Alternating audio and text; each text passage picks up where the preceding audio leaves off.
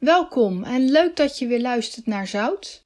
Nou, allereerst eventjes mijn excuses dat het een tijdje heeft geduurd voordat er weer een podcast online geknald werd. Maar je mag van me weten dat ik een immense verkoudheid heb gehad. Niet zozeer met het sniffen en snotteren, maar vooral mijn stem liet het afweten. Wanneer je tegenwoordig verkouden bent, ben je een soort van point of target geworden in deze COVID-crisis. Maar ik kan je in alle rust vertellen dat alles met mij oké is, alles is prima en ik heb gewoon een zware verkoudheid gehad, zoals dat normaal is in november. Dus ja, het zou dus zomaar kunnen dat je nog een klein beetje heesheid in mijn stem hoort, maar het is echt al veel verbeterd. Ik ben enorm opgeknapt en ik heb er weer helemaal zin in voor vandaag. Ja, en dat zin hebben, dat is nou juist zo belangrijk, want veel mensen hebben de laatste tijd een neerslachtige houding, hebben geen zin in het leven en kijken met een sombere blik richting de toekomst. Een tijdje geleden heb ik een hoop reacties gekregen op mijn laatste podcast over eindtijd 2021 van God los. Het grootste deel van de reacties die ik heb gekregen waren redelijk positief, bemoedigend zelfs, en waarvoor dank. Echter, er waren ook een paar mails, ik zal zeggen twee mails, die niet zo positief waren. Mensen vroegen zich af waarom ze Romeinen 13 vers 1 zo moesten behandhaven. Een e-mailster die nadrukkelijk heeft gevraagd om haar identiteit niet bekend te maken, dus dan doe ik dat ook niet. Die vocht eigenlijk in haar mail een beetje aan dat wij helemaal niet aan de overheid gehoorzaam moeten zijn wanneer deze leugenachtige dingen en leugenachtige praktijken ons voorschotelen. Hoe kunnen we immers Romeinen 13 vers 1 goed naleven, hè, gehoorzaam zijn aan de overheid, als de overheid mensen buitensluit, als er sprake is van discriminatie, als er QR-codes door je strot geramd worden? Ja, je mag van me weten dat ik deze dame, deze schrijfster van deze e-mail, ontzettend goed begrijp.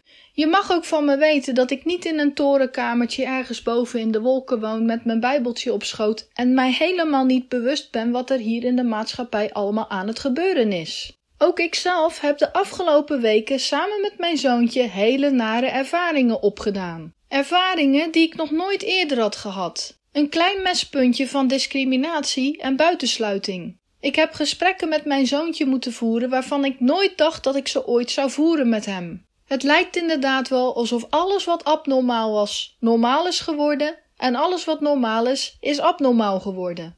In mijn vorige podcast had ik eigenlijk besloten om mijn medische gegevens, dus mijn medische status rondom het vaccineren, eigenlijk niet prijs te geven. Maar oké, okay, c'est ça, zoals ze op zijn Frans kunnen zeggen. Ik heb besloten om toch te delen met jullie hoe mijn status er vandaag de dag voor staat. De situatie is namelijk rondom ons een beetje uit de hand beginnen lopen.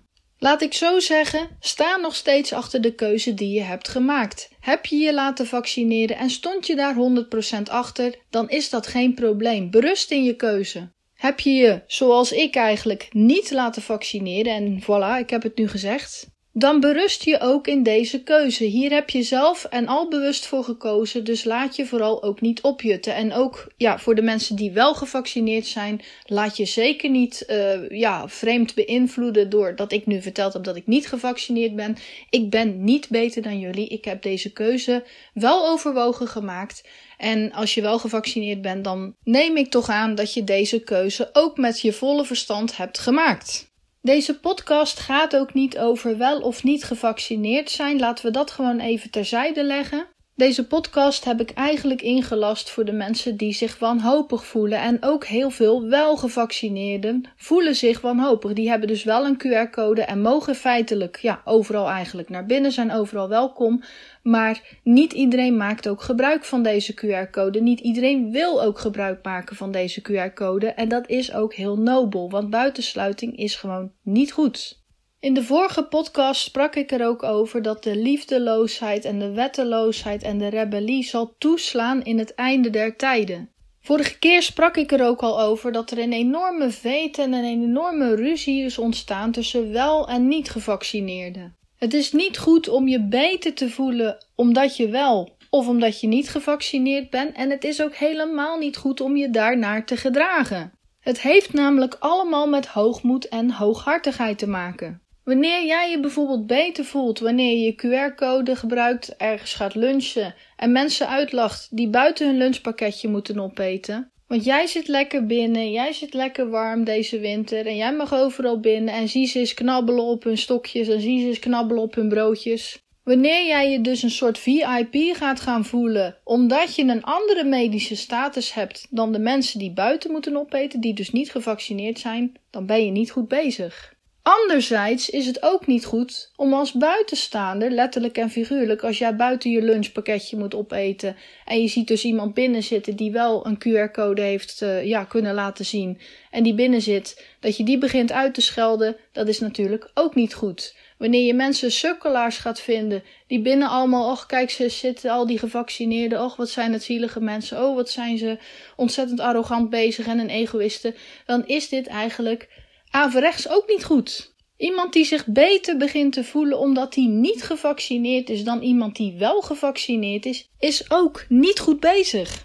Ja, maar Helene, je gaat nou toch niet een hele podcast vullen om te laten zien dat wij niet arrogant mogen zijn, dat wij ons niet beter mogen voelen, dat wij eigenlijk verkeerd bezig zijn.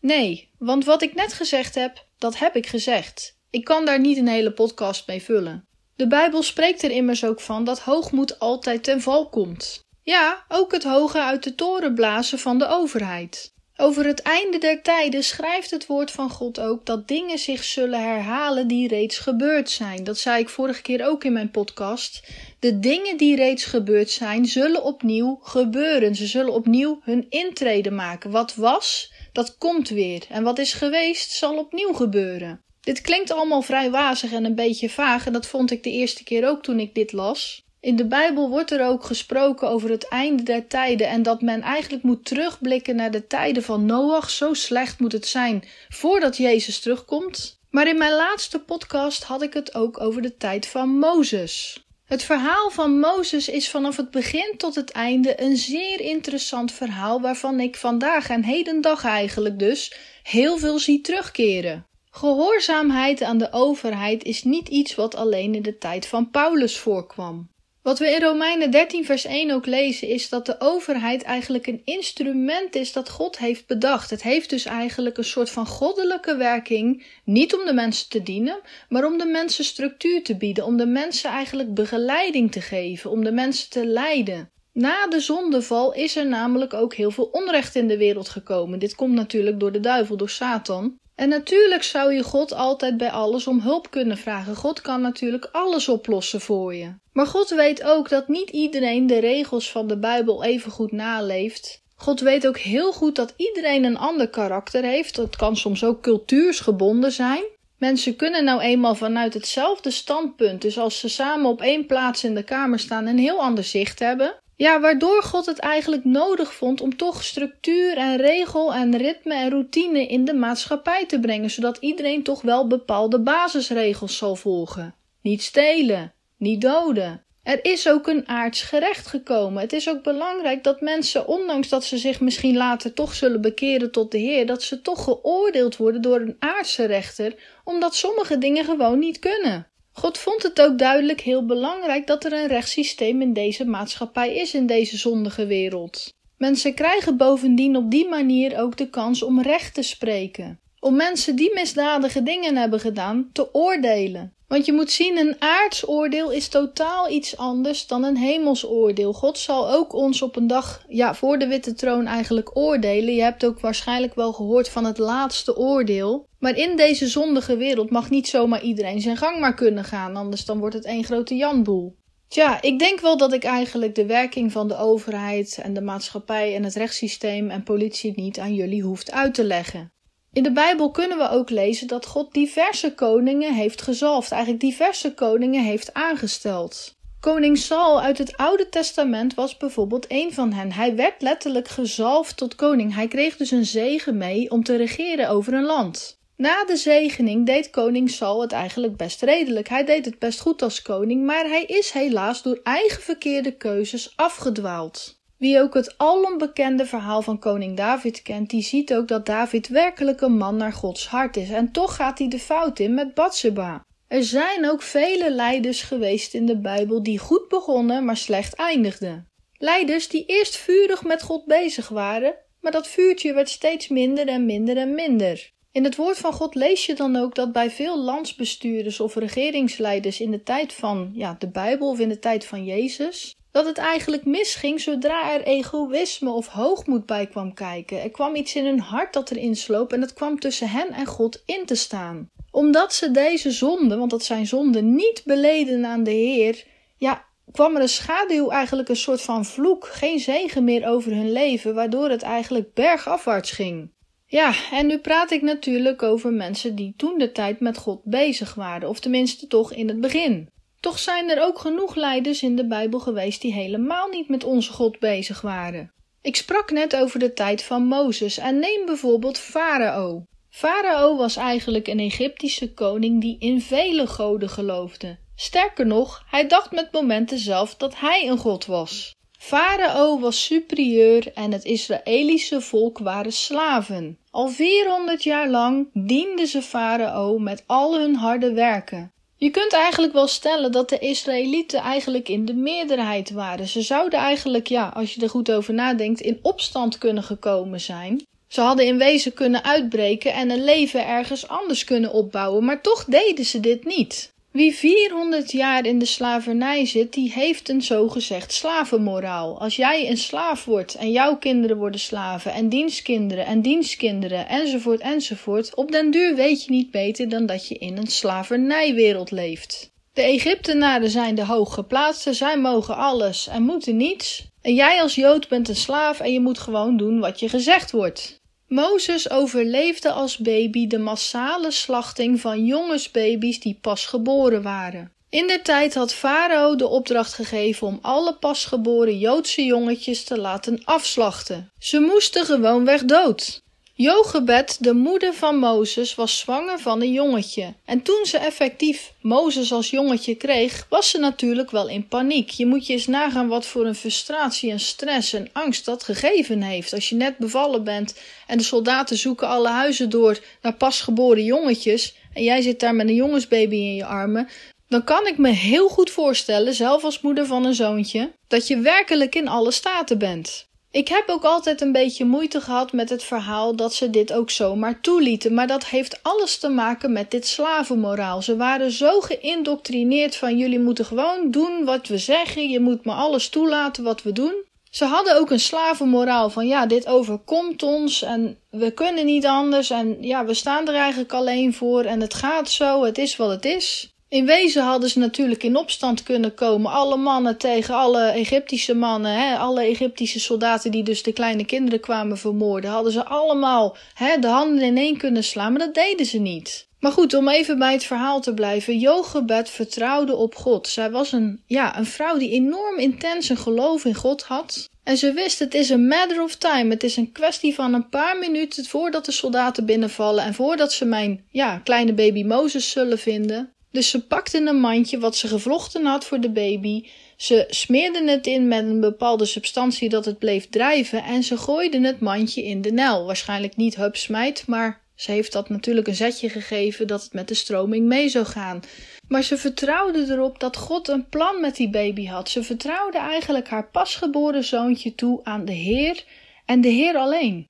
Ja, het mooie van yogebed vind ik dan ook dat ze het niet bij mensen zocht. Heel veel mensen in deze tijd, anno 2021, zoeken het bij anderen. Anderen moeten hulp bieden, anderen moeten een antwoord geven, virologen moeten antwoord geven, dokters moeten antwoord geven, de overheid moet ons steunen en helpen. Andere mensen op forums tegen vaccins, voor vaccins, die moeten elkaar eigenlijk ja, continu oppeppen, bemoedigen en toespreken. Maar Jochebed die wist eigenlijk dat ze niemand kon vertrouwen. Ze konden Israëlieten niet vertrouwen, want die hadden een slavenmoraal. Ze dachten allemaal heel slaafs. Die baby ging sowieso sterven, dat wist ze. Zelfs Jochebeds eigen man deed niks, ondernam niks om dat kind te beschermen. Dus ja, Jochebed die dacht, ik moet het zoeken bij een hogere macht. Ik moet het zoeken bij de Heer. En als God mij helpt, dan gaat het goed komen.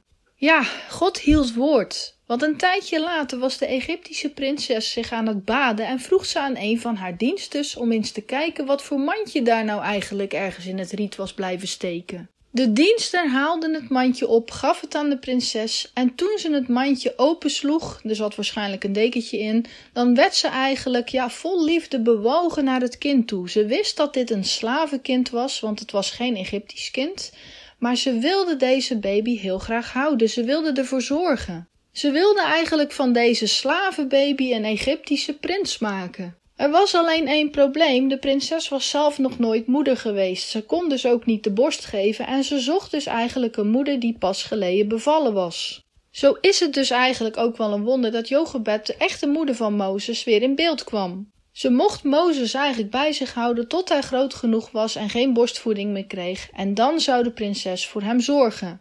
Je kunt er dus eigenlijk wel van uitgaan dat Mozes eigenlijk geen normaal leven heeft geleden. Iedereen van zijn eigen volk was een slaaf, maar hij groeide op in een kasteel, in een paleis. Mozes werd dan ook niet grootgebracht met de God van Abraham, Isaac en Jacob, maar met vele andere Egyptische goden. Toch was Mozes in zijn hart en nieren geen Egyptenaar. Diep in zijn binnenste wist Mozes waar hij vandaan kwam. Mozes liep met vele identiteitscrisissen rond, omdat hij eigenlijk niet goed zich thuis voelde in het Egyptische, maar een slaaf was hij ook niet. Toch kwam er die dag dat hij een Egyptenaar doodsloeg die een slaaf aan het afranselen was. Mozes had namelijk een probleem met zijn temperament. Hij kon zichzelf niet goed beheersen. Toen hij dus in blinde woede deze Egyptische bevelopzichter had doodgeslagen, dan kon Mozes eigenlijk niet anders dan vluchten. Hij vluchtte de woestijn in, waar hij lang verbleef. In deze woestijn bouwde hij uiteindelijk toch een eigen leven op. En na heel wat jaren kwam hij dus ook bij de befaamde brandende braamstruik. Omdat Mozes eigenlijk was opgegroeid met verschillende goden en de struik die God dus eigenlijk was. God had deze struik in brand gezet zonder dat er enkel een takje of een blad verschroeide. Wist Mozes in de eerste instantie niet eens welke God er tot hem sprak. Dit is misschien ook meteen een leuk weetje voor de mensen die wel eens vragen van ik heb nog nooit Gods stem gehoord en dat men denkt van ik moet een goede band of een hele diepe band of een nauw contact met God hebben vooraleer ik zijn stem kan horen. Nou, je ziet dat Mozes zelfs geen enkel contact had met onze God en dat hij eigenlijk op een alledaagse dag door de week eigenlijk gewoon in één keer God te horen kreeg. Maar goed, ik skip er even een klein beetje doorheen. Maar Mozes werd dus eigenlijk uitverkoren door God om het volk uit Egypte te leiden naar het beloofde land. Er was alleen natuurlijk één probleempje.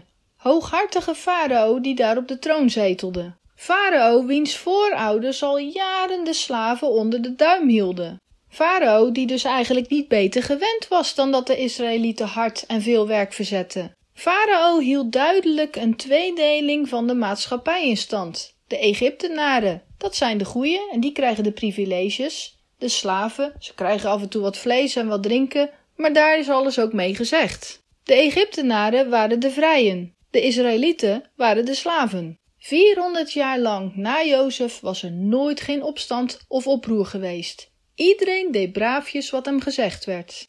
Ja, en na 400 jaar kwam Mozes in één keer. Mozes kwam Farao even vertellen dat hij het volk moest laten gaan. Mozes, die nota bene, en daar moet je echt even goed over nadenken, geen dag arbeid verricht had, die was nooit slaaf geweest, hij heeft nooit moeten zwoegen in de zon, zware kruiken moeten tillen of stenen moeten bakken. Mozes, die nota bene zelf een prins of Egypt geweest was, eigenlijk een prinselijk leven had geleid in het paleis bij de prinses. Juist die man kwam vragen om de mensen eigenlijk vrij te laten. Tja, en wie denkt dat Mozes als een held onthaald werd, die heeft het mis. In vele ogen van de slaven was hij gewoon een Egyptische man. De Israëlieten waren toen de tijd helemaal niet zo met God bezig. Ze klaagden een hoop tegen God, maar ze vroegen hem eigenlijk vrij weinig. Toen Mozes eigenlijk eerst vriendelijk, zal ik maar zeggen, kwam vragen aan Farao of hij hen vrijwillig wilde laten gaan, alle slaven vrij, iedereen weg, dan zei Farao: No way, dat doe ik niet.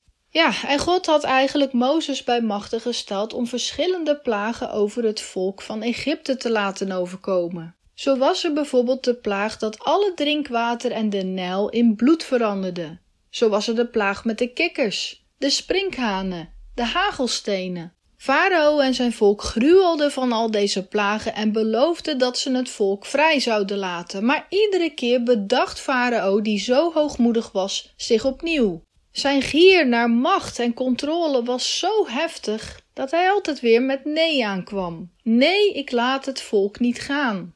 Tja, wie eigenlijk het verhaal van Mozes verder leest, die weet dan ook dat de laatste plaag de meest persoonlijke aan Farao was. De dood van alle eerstgeboren kinderen in Egypte. De dood van ook Farao zijn zoon. Wanneer Farao een gebroken man is, besluit hij om het volk van Israël toch te laten gaan. Farao zit in zak en as en hij rouwt dagenlang, totdat hij zich in één keer bedenkt. Na een aantal dagen beseft hij dat hij zijn zoon niet meer terug zal krijgen, maar het volk van Israël ook niet. Of misschien toch wel. Misschien kunnen we ze nog inhalen. Zover kunnen ze immers op een paar dagen tijd nog niet zijn. Ja, en je ziet ook in dit Bijbelvers dat Farao dat dit een man is die niet opgeeft. Het lijkt wel alsof die hang naar controle een werkelijke bezetenheid is. Hij wil zo graag de boel manipuleren en onder de duim houden en onderdrukken, dat hij alsnog met zijn paarden en karren op uittrekt om het volk Israël eigenlijk terug te gaan halen. Uiteindelijk lees je ook in Exodus 14, vers 14 dat God de Rode Zee opent voor het volk Israël om door te kunnen en dat hij deze sluit, dus eigenlijk al het water over Farao en zijn soldaten heen laat lopen, zodat ze alle verdrinken. Je kunt er in dit stuk ook over nadenken dat een heel koninkrijk, een hele monarchie in één keer wordt uitgeroeid. Het kind van Farao, de troonopvolger, is dood en nu Farao ook. Het volk Israël zoekt zijn weg door de woestijn naar het beloofde land. En wie denkt dat dan alles pijs en vree is, die heeft het ook mis. De Israëlieten zijn namelijk geen makkelijk volk. 400 jaar mopperen ze wel dat ze in gevangenschap zitten. Vier eeuwen lang onderneemt er niemand iets. Maar als er dan iemand opstaat en die leidt hen onder begeleiding van de Heer de woestijn in, naar het beloofde land, weg van Farao, weg van alle slavernij, dan blijven ze klagen. Sterker nog, er zijn zelfs mensen die zeggen dat ze liever in Egypte waren gebleven. Bij de waterkruiken en de vleespotten. Mozes, we hebben hier geen eten. Zijn we uit Egypte geleid om hier te sterven in de woestijn? Ja, zo staat het letterlijk in de nieuwe Bijbelvertaling. Steen en been klaagt men tegen één man, en dat is Mozes. De Israëlieten werpen hun vertrouwen niet op God, maar op Mozes. Mozes moet ons eten geven. Mozes moet ons in water voorzien. Mozes, geef ons wat we nodig hebben. Tja, dit is een ideaal voorbeeld waarin te zien is dat een hele groep mensen maar op één man vertrouwt. Zelf ondernemen ze vrij weinig. Ze hebben hun pijlen gericht op één persoon. Mozes, die uit zichzelf eigenlijk helemaal niks kan, komt vaak bij God klagen. De mensen hebben duidelijk structuur en leiding nodig, maar dat is niet gemakkelijk als niemand naar je luistert. Ja, wat ik altijd heel moeilijk vind aan dit Bijbelvers is dat de mensen eigenlijk eerste rang zitten. Ze zitten eerste rij om alle wonderen van God en alle tekenen te zien. Met bijvoorbeeld ja, de manna die op de grond viel. Iedere dag kregen ze manna, dat was een soort hemelsbrood. En er was iedere dag voldoende en genoeg. Ze moesten niet gaan hamsteren. Want als mensen zouden hamsteren, dan werden ze eigenlijk op de vingers getikt van ja, jullie vertrouwen niet op Gods voorzienigheid. Dus gooi die hamsterzakken maar weg. Morgen ligt er nieuwe manna. Maar ook als de Israëlieten beginnen klagen over dat ze die manna helemaal, ah, we zijn het beu gegeten, we hebben er geen zin meer in, ik ben het zat om dat te eten, we willen vlees, dan komen er ook kwartels. Iedere dag vliegen er heel laag kwartels over die ze makkelijk kunnen vangen en kunnen slachten. Je ziet in de Bijbel steeds weer dat God in alles voorziet. Het ene wonder na het andere wonder geschieden. En toch is er steeds die twijfel. En toch willen ze een gouden kalf neerzetten. En toch willen ze een mens om op te vertrouwen. Maar goed, je zou misschien denken van wat heeft dit hele verhaal van Mozes eigenlijk met vandaag de dag te maken? Nou, heel veel. Het klopt inderdaad dat er veel gelogen wordt vanuit de overheid en de regering. Ministers beloven A, maar uiteindelijk doen ze B of zelfs C. Dingen die toegezegd worden, worden opnieuw ingetrokken.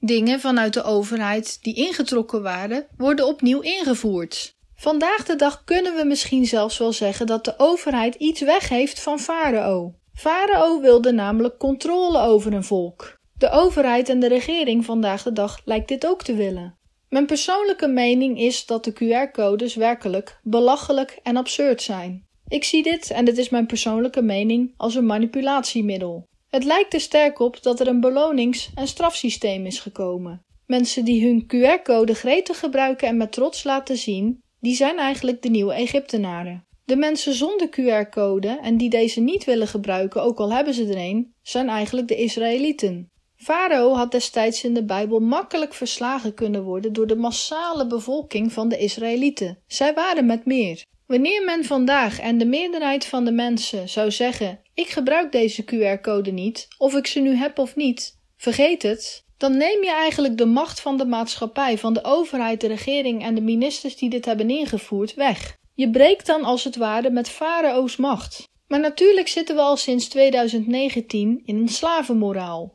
In een COVID-19-crisis, zoals ze dat zo mooi kunnen zeggen. Een slavenmoraal die ons iedere dag eigenlijk voorstelt om een mondmasker te dragen. Een slavenmoraal dat toelaat dat we in isolement terechtkomen, de zogenaamde quarantaines. Een regime waar de grootste en sterkste concerns en winkels zullen overleven, maar de lokale supermarktjes en bedrijfjes failliet gaan. Een slavenmoraal dat bepaalt hoeveel mensen jij mag uitnodigen thuis, terwijl er vroeger niets over je privé te zeggen viel. Wie je thuis uitnodigde en hoeveel mensen, dat was privé. Daar had de overheid zich niet mee te bemoeien. De farao-gedachte heeft ook een hekel aan godsdienst.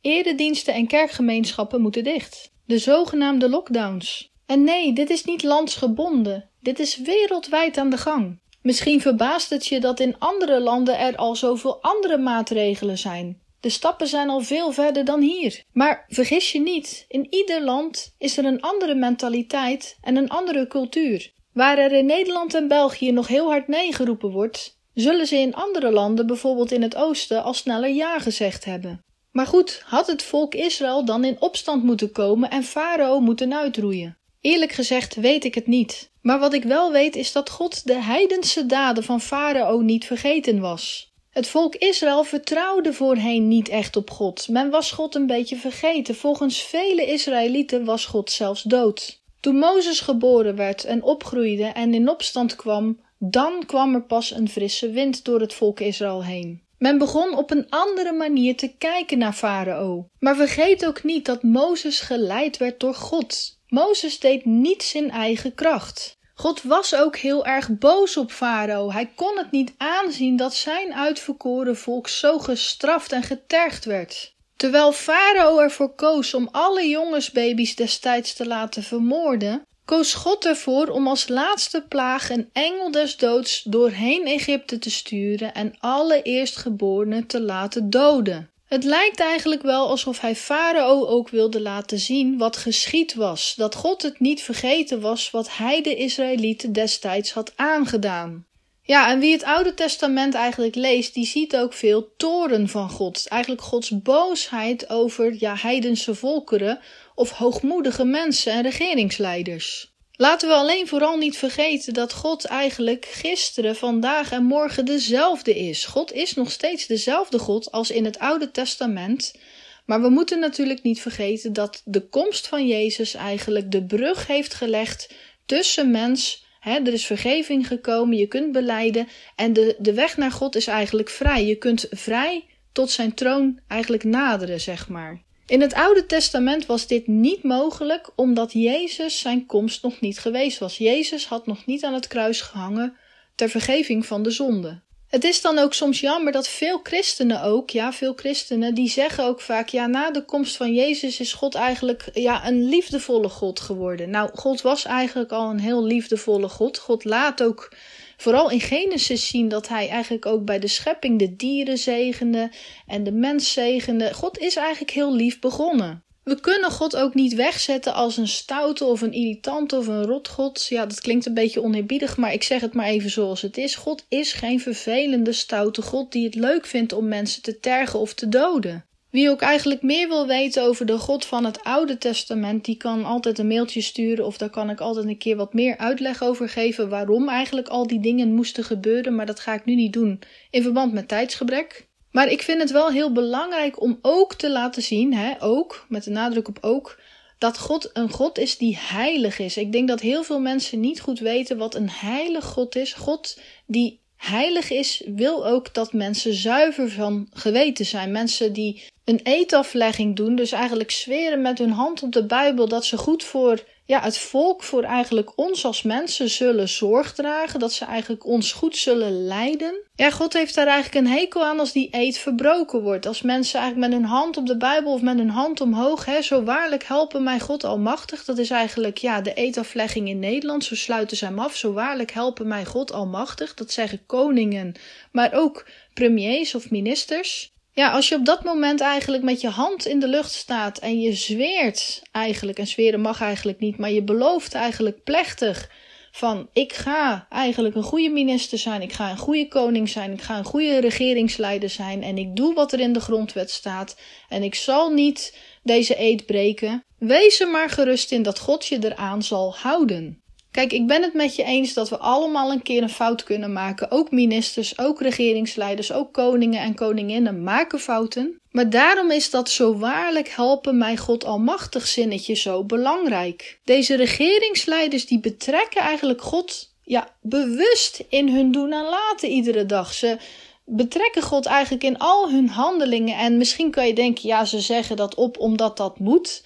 Dat doet er niet toe. Als je een zinnetje uitspreekt en lees het boek, het Bijbelboek Spreuken er maar op na, dan hebben die woorden kracht. Het is niet omdat de mens de overheid en regeringsfuncties niet zo serieus nemen en niet zo als goddelijk zien, dat God het niet zo ziet. Kijk, wanneer Jan de putjeschepper een keer vergeet een vuilnisbak te legen of een putje leeg te zuigen, dan is dat geen ramp. Wanneer een regeringsleider vergeet om zich eigenlijk aan zijn eed te houden, om zijn beloftes na te komen en het land zo te besturen, zodat hij of ja, zijn vriendjes er eigenlijk, hè, de vriendjespolitiek er beter van wordt, dan ben je verkeerd bezig.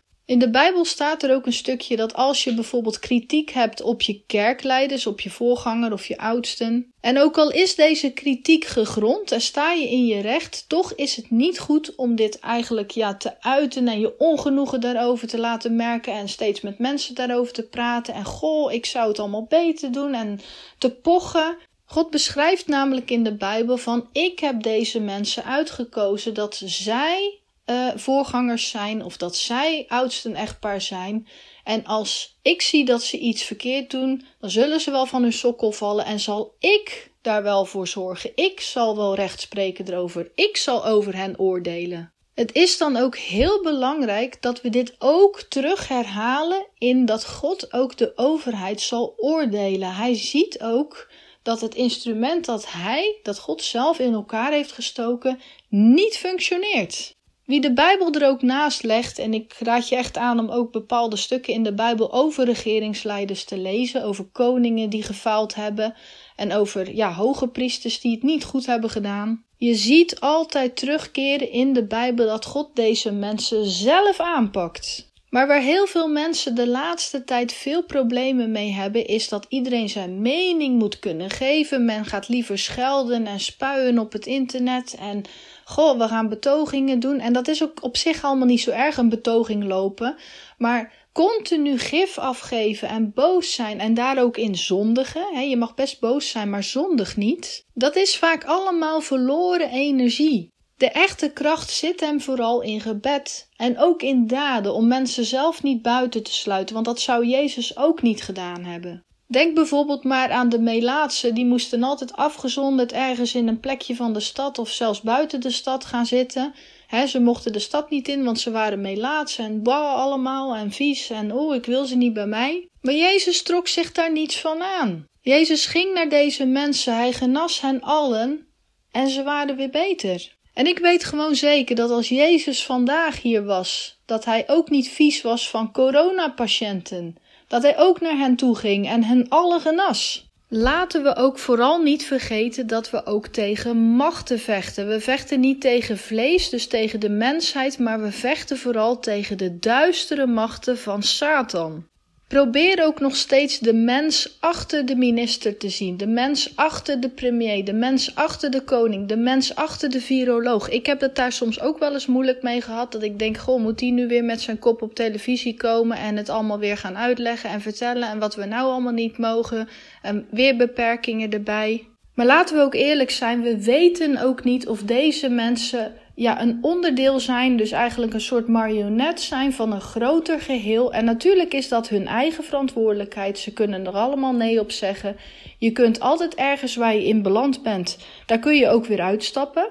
Maar de Bijbel spreekt ook nadrukkelijk over de geest die erachter zit. En daar heb ik het vorige keer in mijn podcast over de eindtijd van God los over gehad.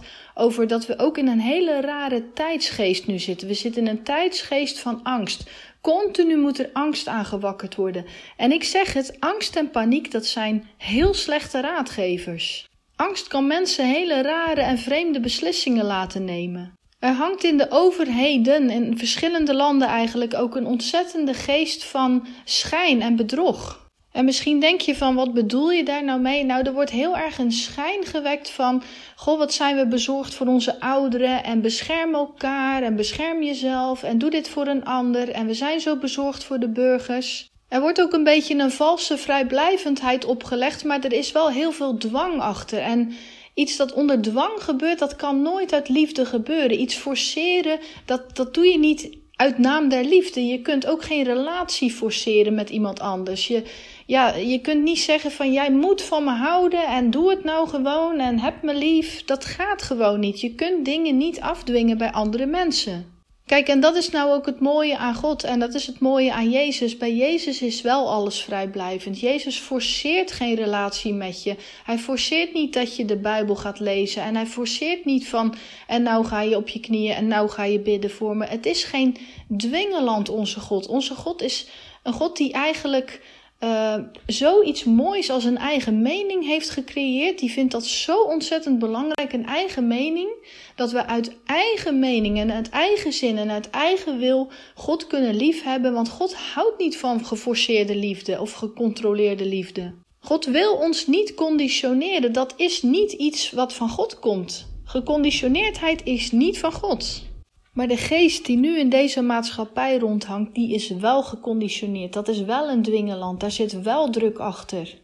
Maar moeten we er daarom met de knuppel op uittrekken? Moeten we daarom alles maar op forums knallen, op Facebook, op andere social media? Moeten we iedere dag zeggen hoeveel we walgen van de koppen die we op televisie zien? In verschillende episodes van de Bijbel kunnen we ook altijd zien dat leugens uiteindelijk aan het licht komen. Leugens van de overheid komen ook aan het licht. Onzuivere en leugenachtige werken van het rijk der duisternis zullen openbaar gemaakt worden. Ik blijf dus ook benadrukken, net als in de vorige podcast, dat het heel erg belangrijk is dat je voor je regeringsleiders bidt. Voor de virologen, voor de mensen op televisie, voor mensen in de media en iedereen die een leidinggevende functie heeft. Wat ik zelf altijd bid is dat Heer, laat de waarheid aan het licht komen. Heer, laat uw waarheid en uw licht schijnen doorheen de Tweede Kamer, doorheen het parlement, doorheen de wereldorganisaties. Nogmaals, als je de Bijbel leest, dan zie je eigenlijk vol continu terugkomen dat hooggeplaatste figuren die niet goed functioneren, die niet doen wat eigenlijk ja goddelijk is, maar wat eigenlijk verwerpelijk is, zij zullen van hun sokkel vallen, ze zullen ten val komen. Hoogmoed komt voor de val. Bovendien ook, en misschien is dit wel een schrale troost, maar mensen die continu leugens vertellen en anderen manipuleren. En manipuleren is ook een vorm van hekserij. Dat is echt een, ja, een doorn in Gods ogen. Dat valt onder tovenarij. Mensen betoveren met angst. Mensen betoveren met ja, onwaarheden, met, met manipulatiemiddelen. Deze mensen hebben geen zegen over hun leven. Je moet zien dat zelfs christenen hier ook aan mee kunnen doen. Ja, je kunt je wel afvragen, zijn dat dan echte christenen? Ah, wel, er zijn sommige mensen die beweren ik ben een christen en toch vind ik die QR-codes dat dat moet en dat uitsluiting nodig is en lockdowns en nou het hele circus zal ik maar zeggen. Uh, deze mensen krijgen geen zegen over hun leven als ze eigenlijk niet doen wat God van hen vraagt. Wie een valse getuigenis aflegt, die heeft ook geen zegen over zijn leven. Die geeft ook legal rights aan de duivel om eigenlijk, ja, de vrede weg te nemen en eigenlijk een vloek over zijn leven uit te roepen. En kijk, iedereen zegt wel een keer iets wat niet waar is, of om de waarheid een beetje mooier te maken, om te verdoezelen, om iemand geen pijn te doen, om iemand niet te kwetsen. we kennen dit allemaal. We hebben hier ook als christenen mee te maken met momenten. Maar we kunnen altijd naar God gaan en zeggen: Oké, dat was niet helemaal waar wat ik zei. We beleiden het aan onze Heer, aan onze Vader. En Hij vergeeft ons. We zijn al vergeven, maar Hij scheldt het ons kwijt. Maar goed, dit gaat natuurlijk over stelselmatig liegen dat ook ernstige gevolgen voor de maatschappij heeft. Het is heel iets anders dan een keer liegen over iemand zijn schoenen die je bijvoorbeeld niet mooi vindt, maar je durft dat niet helemaal eerlijk te zeggen, dus je liegt erover, dan dat je eigenlijk, ja, de wereldbevolking, burgers in Nederland, België, waar dan ook, gaat voorlopen liegen om er zelf beter van te worden, om eigenlijk ja, heel veel schade te berokkenen aan deze personen en ja, deze mensen eigenlijk te claimen en, en een soort van te willen manipuleren, een soort puppet on a string te maken van mensen. Ja, maar Helene, moet ik dan stilzitten in een stoel en wachten met mijn Bijbel op schoot, zoals je dat in het begin zo mooi zei? Nee, dat hoeft niet, maar bemoedig mensen vooral. Schrik mensen niet af met nog meer enge ja, dingen die je gehoord hebt. Oh, en in dat land hebben ze dat beslist. En doe niet mee met angst zaaien. Zaai liever een boodschap van hoop dat er een ander iets is waar mensen op kunnen vertrouwen, namelijk een hogere macht die Jezus heet, die God is. Het is zo aanstekelijk om mee te doen met het afbreken van het systeem, met het afbreken van alles wat je hoort en het is niet goed en zie je wel, dat is allemaal van de duivel en uh, zie je wel, ze zijn ons allemaal aan het manipuleren, oh die slechte mensen. We vechten tegen de kwade machten die erachter zitten. Dit gaat niet over de mens die je op televisie ziet, de mens die je in de Tweede Kamer ziet, de mens die je in het parlement ziet. Dit gaat over de geestelijke macht die erachter zit. Gebed is ontzettend krachtig. Met gebed kun je werkelijk, nou, bergen letterlijk verzetten. Het kan inderdaad zijn dat je je voelt als een roepende in de woestijn, maar God gaat ons door deze woestijn heen helpen naar het beloofde land. En dat staat in openbaringen. We zullen uiteindelijk in het nieuw Jeruzalem samenwonen met z'n allen. En ik kijk er al naar uit. Maar ik kan je zeggen, God beschermt zijn kinderen. Of je nu wel gevaccineerd bent of niet gevaccineerd bent, dat maakt allemaal niets uit.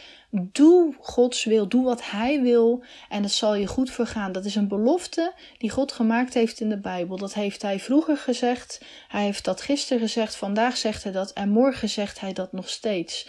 Onderschat Gods toren niet. Onderschat niet wat God voor jou in jouw persoonlijk leven gaat doen, maar ook in het leven van alle mensen die lijden onder deze situatie. Want dit is lijden voor iedereen. Ook voor gevaccineerden, ook voor mensen die een QR-code gebruiken, ook voor mensen die niet de QR-code gebruiken, ook voor niet-gevaccineerden. Nou, noem maar op. Iedereen moet hier doorheen. De boodschap is ook: vertrouw niet meer op mensen, want je ziet mensen kun je niet vertrouwen. Dat was in de tijd van Jezus zo, dat was in de tijd van het Oude Testament zo. He, Farao zei ook: Oké, ik laat het volk gaan. En de volgende dag kwam die erop terug. Hij is niet te vertrouwen, Farao. De overheid, daar kun je je handen niet voor in het vuur steken. De enige die je echt kunt vertrouwen, dat is onze God, onze Heer. Hij is er elke dag persoonlijk voor jou. Laat je niet bang maken. Een geest van angst, een geest van ja, terreur en paniek en wat moeten we doen, dat is niet van God. Geconditioneerde boodschappen uit de media van, nou ja, hè, er zit dwang achter en als je dit niet doet, dan doen wij dat. Een voor wat hoort wat mentaliteit komt niet van God, want je krijgt de liefde van God voor niets. Om niets staat er in de Bijbel. Je kunt dus wel de prat op gaan dat dit niets met liefde te maken heeft. En alles wat niet met liefde te maken heeft, dat komt eigenlijk al niet van de Heer. Ik zeg je, Jezus komt spoedig terug. Iedere avond steek ik op mijn dakterras een olielampje aan. Eigenlijk is het met een vaccinelichtje, maar goed, ik noem het altijd een olielampje omdat dat zo in de Bijbel staat. Iedere avond voor het slapen gaan doe ik er een theelichtje, een vaccinelichtje in. Ik steek het aan en ik zeg: Heer, ik ben wakker, ik verwacht u. En ik hoop dat jij Jezus ook verwacht. De aarde loopt op de laatste dagen. Echt. Het kan zijn dat het vandaag of morgen gaat gebeuren dat Jezus in één keer terugkomt. Het kan zijn dat het nog twee jaar duurt. Maar twintig jaar, ik geloof niet dat het nog twintig jaar zal duren. Laat je niet ontmoedigen, maar bemoedig je met zijn woord. Want Gods woord, daar staat de waarheid in. Laten we ons optrekken aan mensen die ons voor zijn gegaan vanuit de Bijbel. Mozes, Jozef, Daniel, Johannes, Petrus, doet er niet toe, Paulus. Het zijn zoveel mensen die echt ja, met God bezig zijn. En lees ook dat er mensen ten val gekomen zijn. En wat toen gebeurde, dat zal weer gebeuren. Wees niet bang om je werk kwijt te raken. God zal voorzien. Hij stuurde Elia raven met vlees in de snavels om hem te voorzien van eten. Hij stuurde Mozes manna en kwartels om het hele volk te voorzien van eten. Waarom zou hij jou links laten liggen? Is Mozes belangrijker dan jij? Is Elia belangrijker dan jij? Ik weet dat het veel gevraagd is. Dit vergt enorm veel vertrouwen. En het kan zijn dat je band met God nog niet zo optimaal is. Maar zeg gewoon tegen de Heer: Heer, doe mij groeien in geloof. Laat zien dat u voor mij zult zorgen. Kijk, ik ben niet gevaccineerd, ik werk in de zorg en ik weet niet hoe 2022 voor mij gaat uitzien, maar ik vertrouw in de voorzienigheid van de Heer en dat zeg ik heel vurig en ik geloof dat. En natuurlijk er zijn dagen dat het met mij ook een beetje minder gaat en dat ik denk, Heer, het gaat toch wel echt zo zijn. Maar dan weet ik dat ik terug moet grijpen naar, nou ja, het beste boek dat er is. En dat is mijn levensgids voor dummies, de Bijbel. En dan weet ik weer op wie ik moet vertrouwen. Ik vertrouw niet op premier Rutte. Ik vertrouw niet op premier Alexander de Croo, want ik woon in België omdat ik met een Belg getrouwd ben. Ik vertrouw niet op de virologen. Ik vertrouw niet op koningen en koninginnen, maar ik vertrouw maar op één koning en dat is koning Jezus. God gaat ons er doorheen helpen. Echt, echt waar. Leg al je beslommeringen, je angsten, je pijn en je uitschreeuwen je mag het ook gewoon een keer uitschreeuwen aan God. Ik heb mij ook al op de grond geworpen en gezegd: Heer, ik weet het soms even niet meer. Het is ook moeilijk. Ik heb een kind en mijn kind snapt het ook niet allemaal. Hoewel ik vind dat hij er heel coulant mee omgaat. Maar er zijn momenten dat je het gewoon eventjes niet begrijpt. Maar God is voor jou. Want wie voor jou is, hè, als God voor jou is, wie is er dan tegen je? Laten we hiermee afsluiten. Als je vragen hebt, altijd mag je mailen. Altijd mag je ja, mij contacteren. Is het negatief, positief, maakt niet uit. Stuur gewoon en ik stuur altijd iets terug. Tot de volgende keer.